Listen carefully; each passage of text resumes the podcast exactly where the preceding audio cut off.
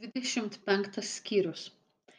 Tada su dangaus karalyste bus panašiai kaip su dešimtimi mergaičių kurios pasiėmusios savo žibintus išėjo pasitikti jaunikio. Penkios iš jų buvo protingos ir penkios kvailos.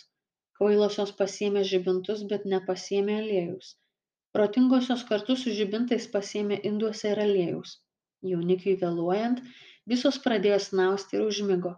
Vidurnaktį pasigirdo šauksmas štai jaunikis ateina išeikite jo pasitikti. Tada visos mergaitės atsikėlė ir taisėsi žibintus. Kvailosios prašė protingųjų duokite mums savo aliejaus nes mūsų žibintai gęsta. Protingosios atsakė kad kartais nepristigtų ir mums ir jums verčiau eikite pas pardavėjus ir nusipirkite. Joms beeinant pirkti atėjo jaunikis kurios buvo pasiruošusios įėjo kartu su juo į vestuves ir durys buvo uždarytos vėliau atėjo ir anos mergaitės ir ėmė prašyti viešpatie viešpatie atidaryk mums. O jis atsakė iš tiesų sakau jums aš jūsų nepažįstu. Taigi budėkite nes nežinote nei dienos nei valandos kurią žmogaus sūnus ateis. Bus taip kaip atsitiko žmogui kuris iškeliaudamas į tolimą šalį pasišaukė savo tarnus ir patikėjo jiems savo turtą vienam. Jis davė penkis talentus kitam du trečiam vieną. Kiekvienam pagal jo gabumus ir tuojau iškeliavo tas kuris gavo penkis talentus nuėjęs ėmė su jais verstis ir pelnė kitus penkis. Taip pat tas kuris gavo du talentus pelnė kitus du. O kuris gavo vieną nuėjo iškasė duobę ir paslėpė šeimininko pinigus.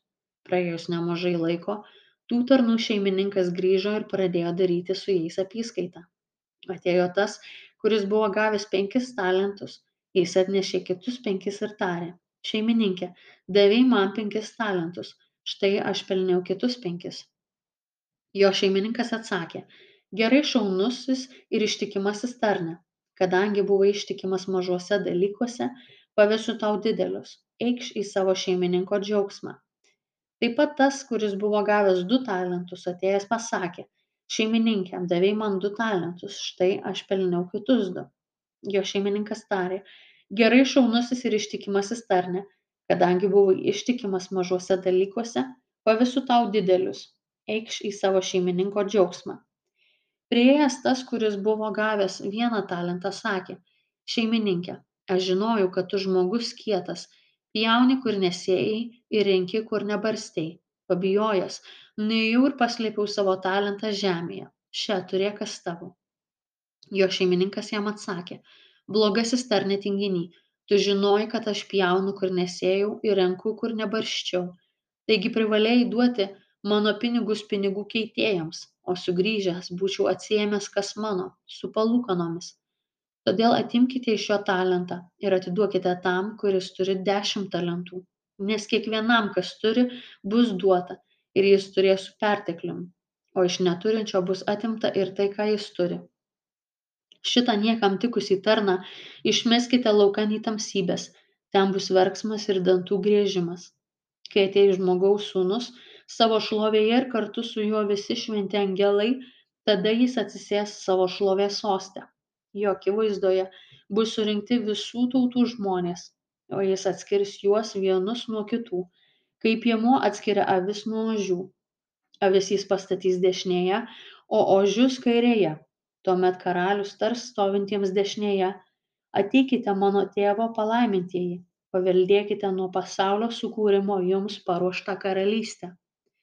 Nes aš buvau šalkęs ir jūs mane pavalgydinote. Buvau ištroškęs ir mane pagirdėte. Buvau keleivis ir mane priėmėte buvau nuogas. Ir mane aprengėte buvau ligonis. Ir mane aplankėte buvau kalinys ir atėjote pas mane. Tada teisieji klaus viešpatie kada gi matėme tave alkaną ir pavalgydinome ištroškusį ir pagirdėme? Kada gi matėme tave keliaujantį ir priėmėme ar nuogą ir aprengėme? Kada gi matėme tave sergantį ar kalinį ir aplankėme? Ir atsakys jiems karalius iš tiesų sakau jums kiek kartų tai padarėte vienam iš šitų mažiausiųjų mano brolių man padarėte? Tada jis prabils ir į stovinčius kairėje. Eikite šalin nuo manęs prakeiktieji, į amžinąją ugnį, kuri paruošta velniui ir jo angelams.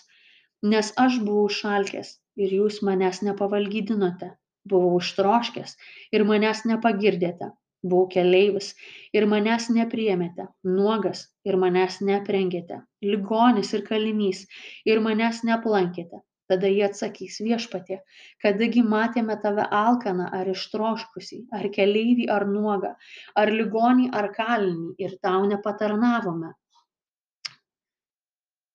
Tada jis atsakys jiems, iš tiesų sakau jums, kiek kartų taip nepadarėte vienam šitų mažiausiųjų, man nepadarėte. Ir šitie eis į amžiną įkentėjimą, o teisėjai į amžiną į gyvenimą.